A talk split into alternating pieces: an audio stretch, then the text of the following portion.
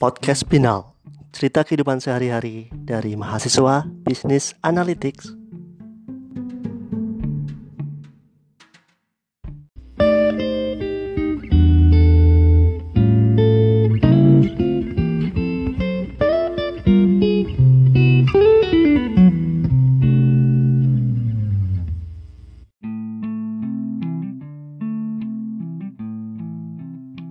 Terima kasih sudah mau datang nih secara virtual ke podcast mahasiswa Binal ya. Jadi tujuan Kenalin oh kalian udah lu kenalin belum mahasiswa binal itu apa? udah kan udah ada episode 1 dan 2 bisa oh di oke baik. Uh-uh. Jadi tujuan podcast ini sebetulnya sih sebetulnya buat mau memperkenalkan program Binal ke, ke- terutama ke eh, orang Indonesia sih ke teman-teman kantor yang lagi pengen daftar beasiswa. Nah itu kita promosiin nih supaya makin banyak yang jadi mahasiswa di program eh, Business Analytics. Jadi eh, seperti yang kemarin aku tulis, ada beberapa hal yang ingin eh, ingin kita bahas nih, bahas kayak kuliah ya. Iya. Nah, jadi eh, buat para pendengar podcast nih yang belum belum tahu siapa bintang tamunya nih malam ini. Jadi yang pertama adalah namanya Kak Putu, Put, Wah- Putu Wahyu Saputra ya. Halo, halo. Putu Wahyu Saputra dan yang kedua adalah Kak Dewi Lestari Amalia. Pakai H. Ya, Iya. Ya, jadi eh, mereka berdua ini adalah pegawai-pegawai yang berprestasi nih dari instansinya masing-masing nih. Yang yang yang satu dari Telkom ya Kak Putu ya, Ya, betul. dan Kak Dewi dari eh, Badan Pusat Statistik. Betul. Tidak mantap. Jadi sebetulnya aku pengen tahu nih eh, kenapa kok kalian ngambil jurusan program eh, Business Analytics.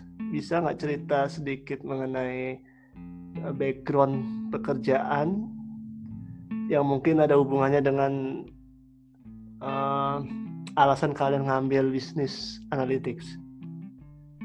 Mungkin dimulai dari yang agak tuaan dikit atau muda dari yang lebih muda? Silakan dari senior saya. Oh senior. Saya dong berarti waduh. Kalau kalau aku sih ya, kalau aku sebetulnya sebetulnya ngambil ini ad- terinspirasi dari pegawai Telkom sih sebetulnya. Jadi Hmm, tahun lalu itu di awal-awal 2019 di kantorku itu ada proyek proyek big, big data.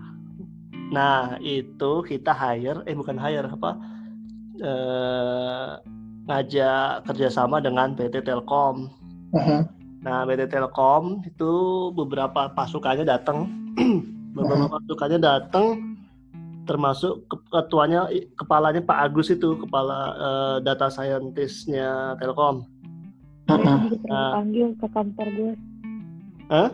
Pak Agus juga, Pernah jadi bintang tamu di kantor juga. Iya. itu pasti slide-nya template. Soalnya dia Yang lama bawa template apa slide terus kan, ya ada yang yang diajarin itu kan.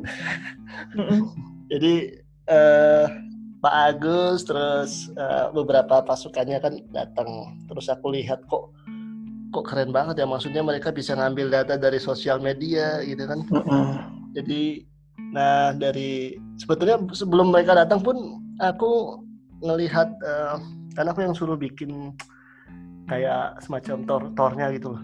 Aha. Jadi aku ngarang-ngarang gitu terus ya karena itu karena gua baca-baca gitu jadi gua tertarik untuk eh, daftar program ini.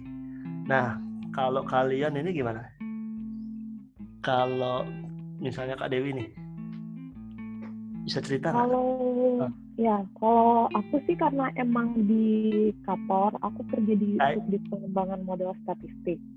Ah. Nah, jadi itu tuh emang kerjaannya nyari em, pemodelan atau metode metode terbaru yang ada di dunia perstatistikan.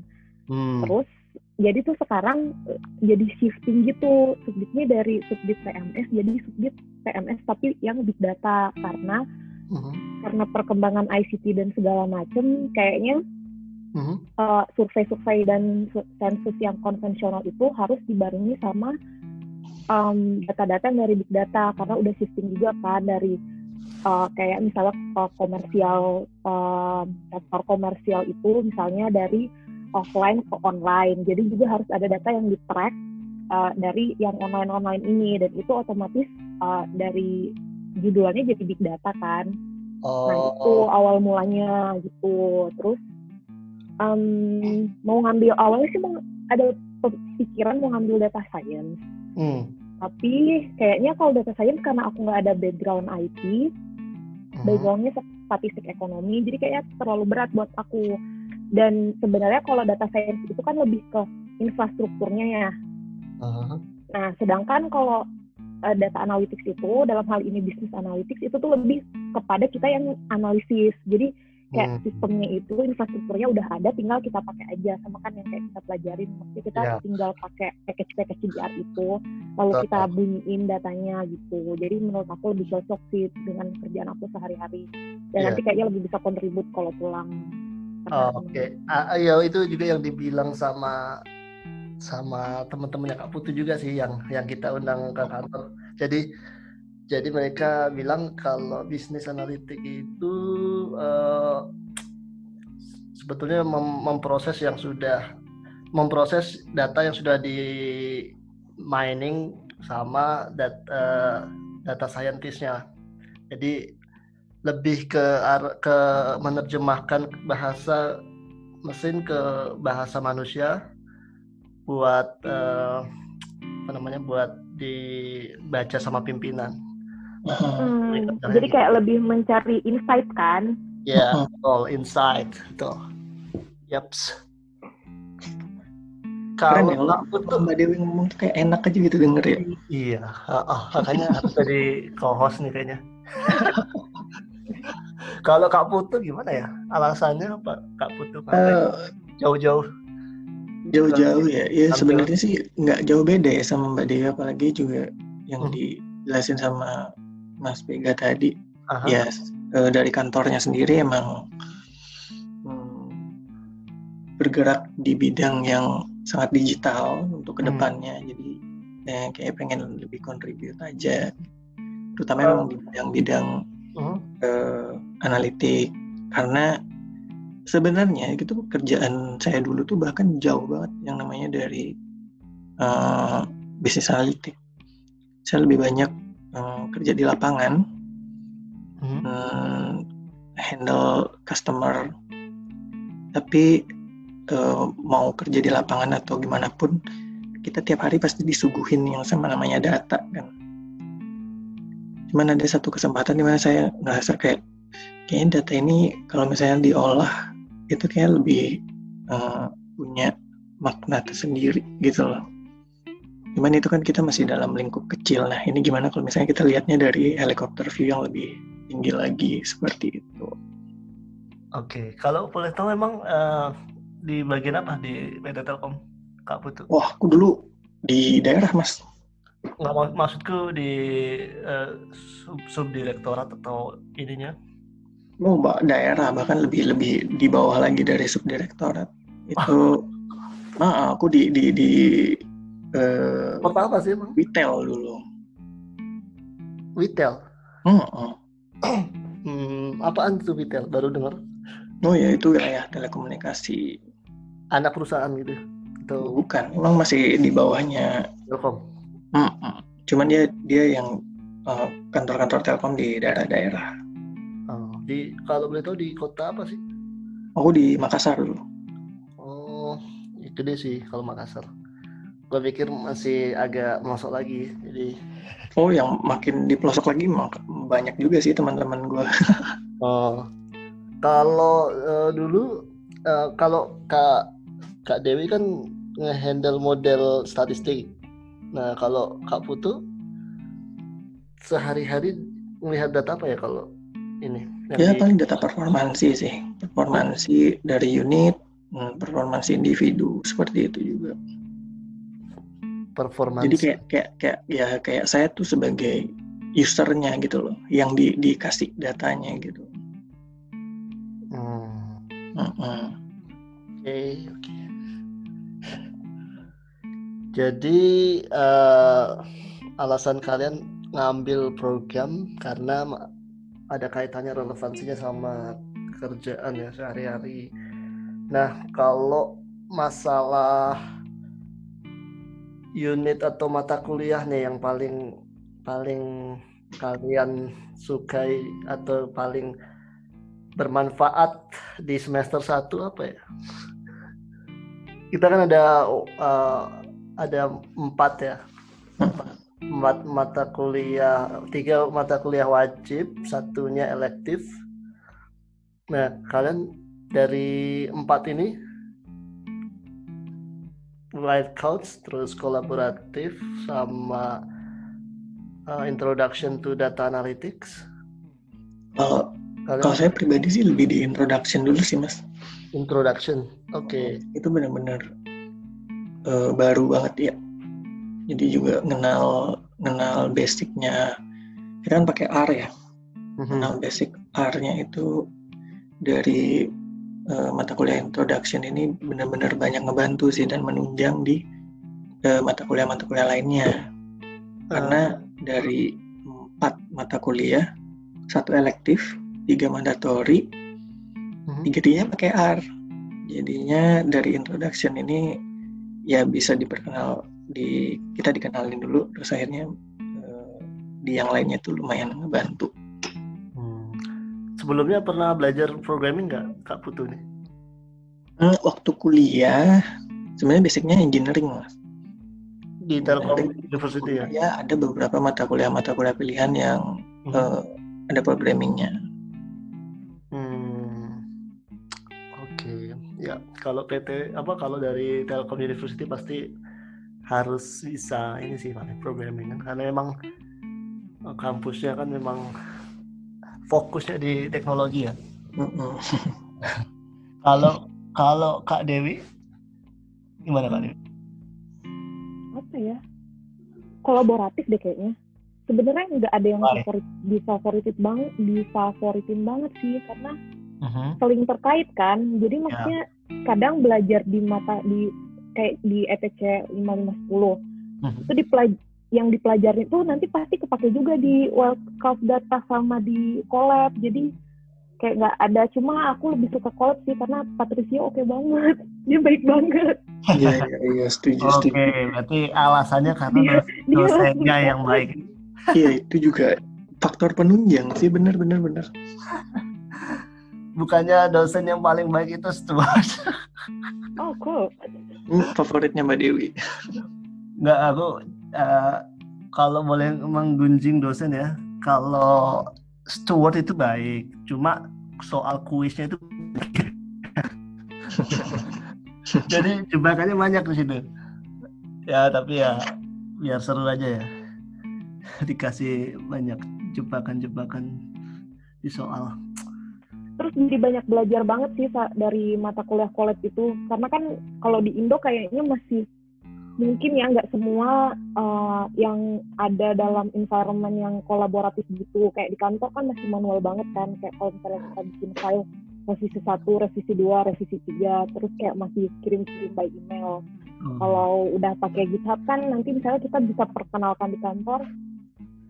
Kalau pakai GitHub itu nanti bisa tinggal pull request atau apa gitu kan. Jadi agree, agree. kayak lebih enak aja gitu agree nih kalau soal ini nih soal yang apa kolaboratif dengan open source ini itu di kantorku di Kementerian Keuangan ini lagi gencar-gencarnya nih jadi di data di atas uh, kebutuhan untuk software-software yang berbayar itu sebisa mungkin dikurangin.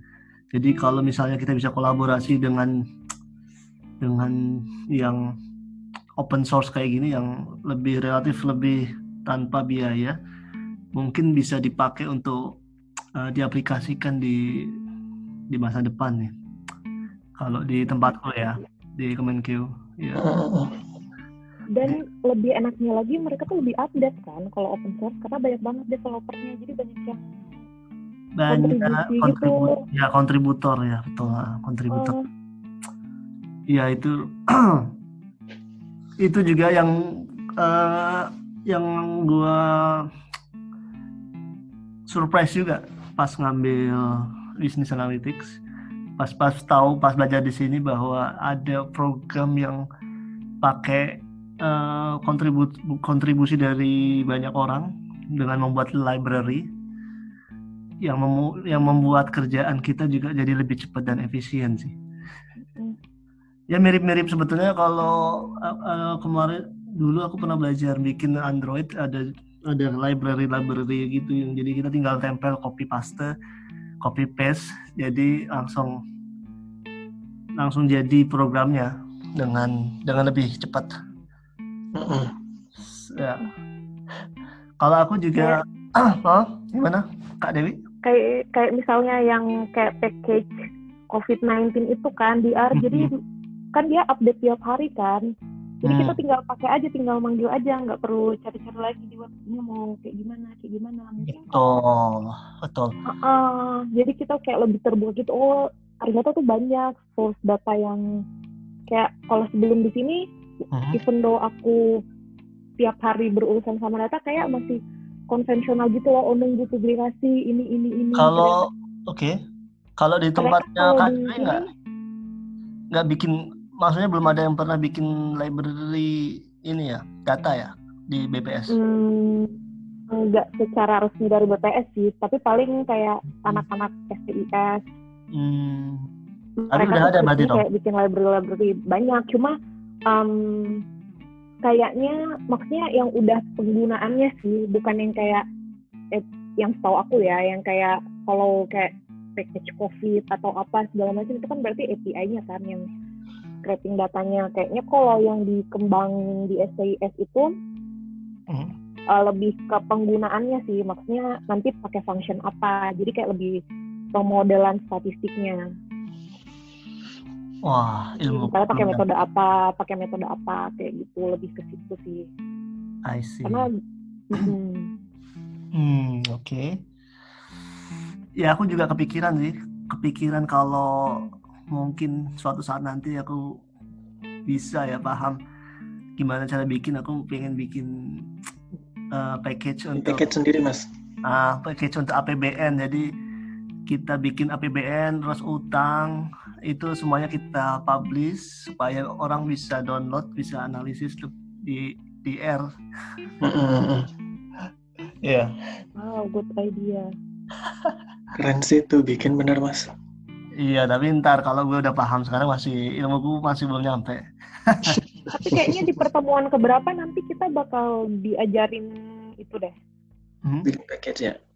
Ah, bukan bikin package sih, tapi kayaknya dasar-dasarnya gitu yang hmm. bikin function. Di, di, di apa? Di mata mata di et, et, ETC kan kayaknya. Di pertemuan keberapa ya? Ke-8 apa ke-7 gitu. Um, Oke. Okay. Mungkin dasar-dasarnya kali ya, tapi kan yang penting udah tahu kalau oh bikin function tuh kayak gini caranya. Uh, yang penting hmm. mid semester break dulu. Eh, mid semester break, mid semester exam. Iya. Iya. ya kalau itu mau nggak mau harus kita jalanin sih. Tidak bisa dihindari.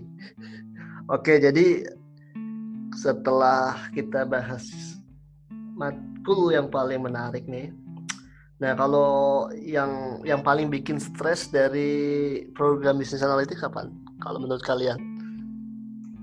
Kalau aku sih ya, mungkin yang paling bikin stres adalah uh, mungkin jadwalnya yang terlalu padat kali ya antara lecture sama workshop jadi belum sempat belum sempat memahami yang ini udah harus belajar yang lain gitu.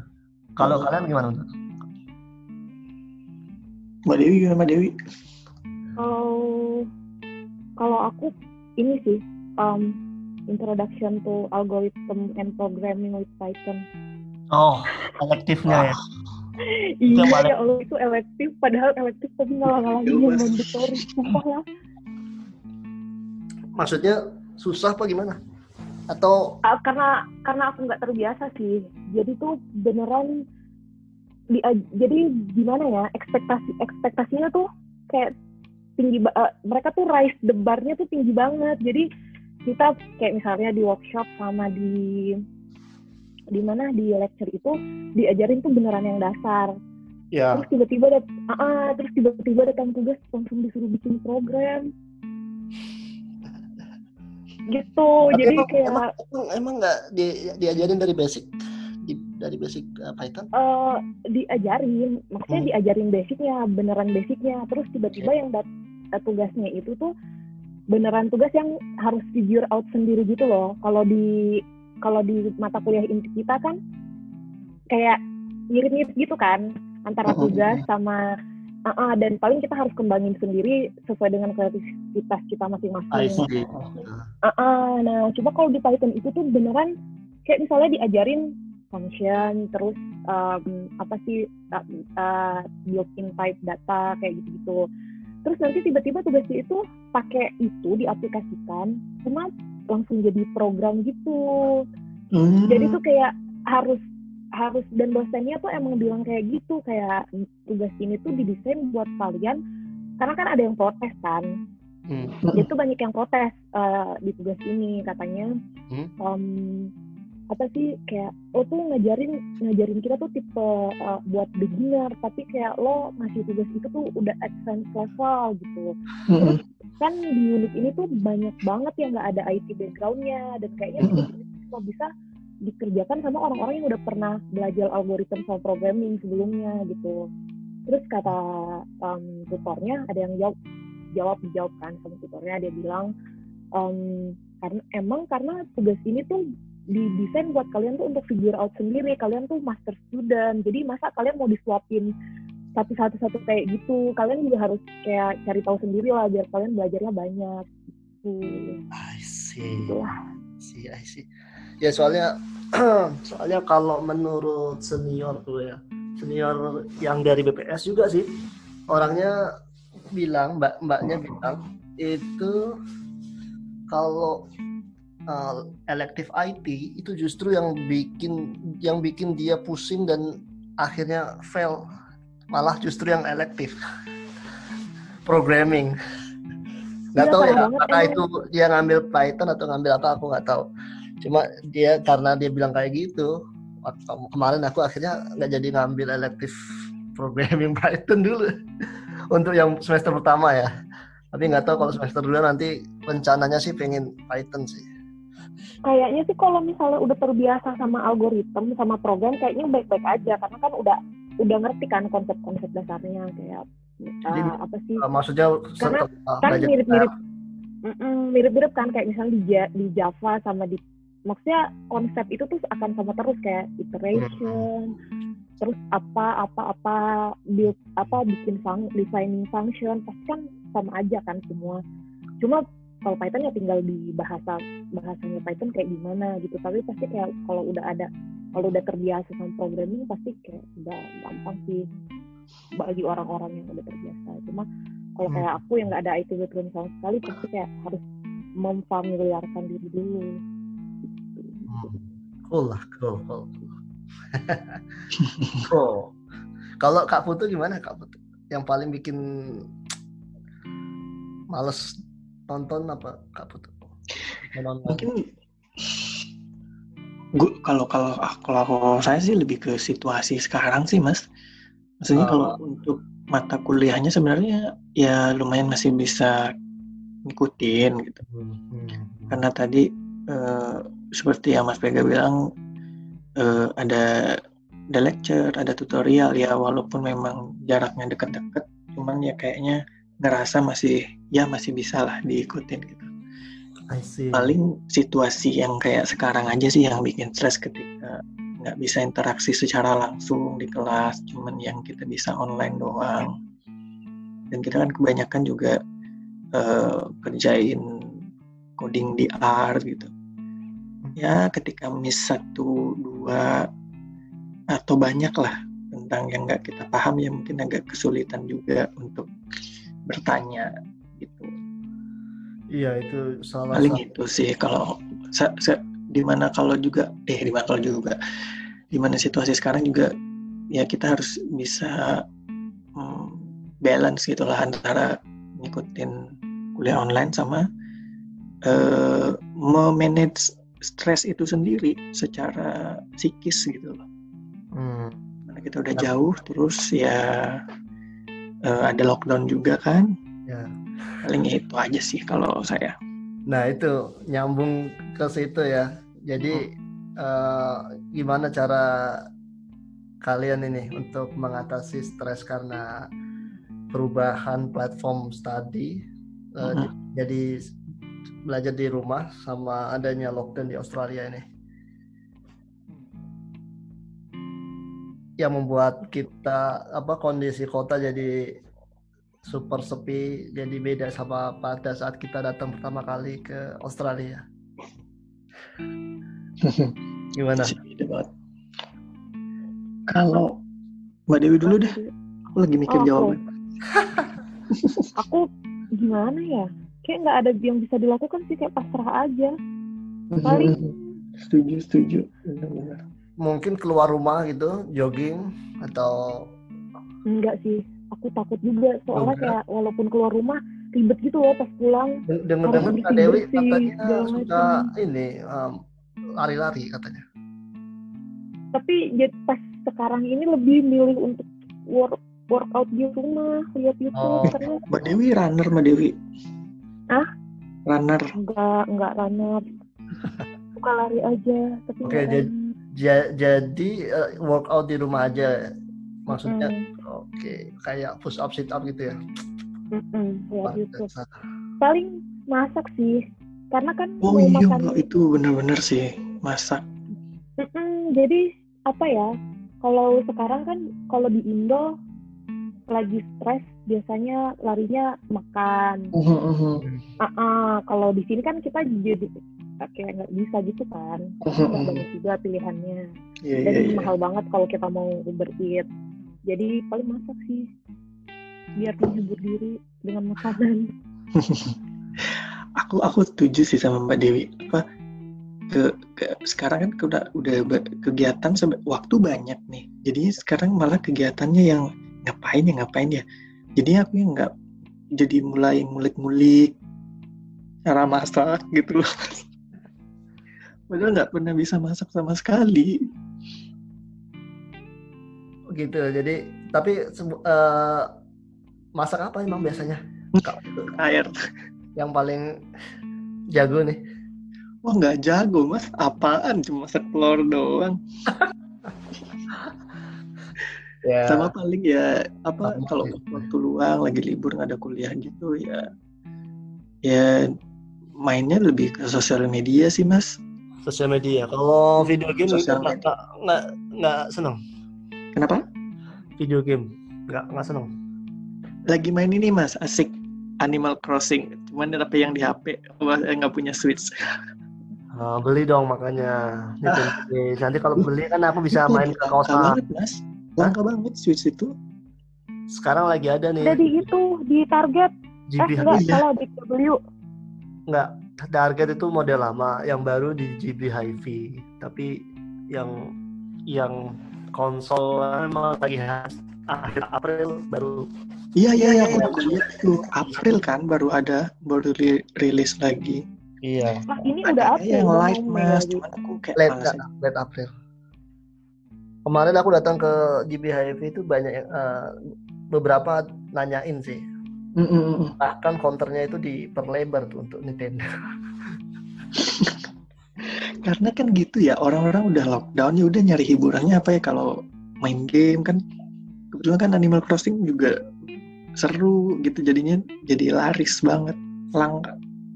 Oh iya kalau Animal Crossing kali ya. Kalau aku biasanya main game malah bikin stres karena eh, kalah terus. Kayak aku, Beneran. aku cuma bisa main Mario Kart di Nintendo. Eh, punya Nintendo emang?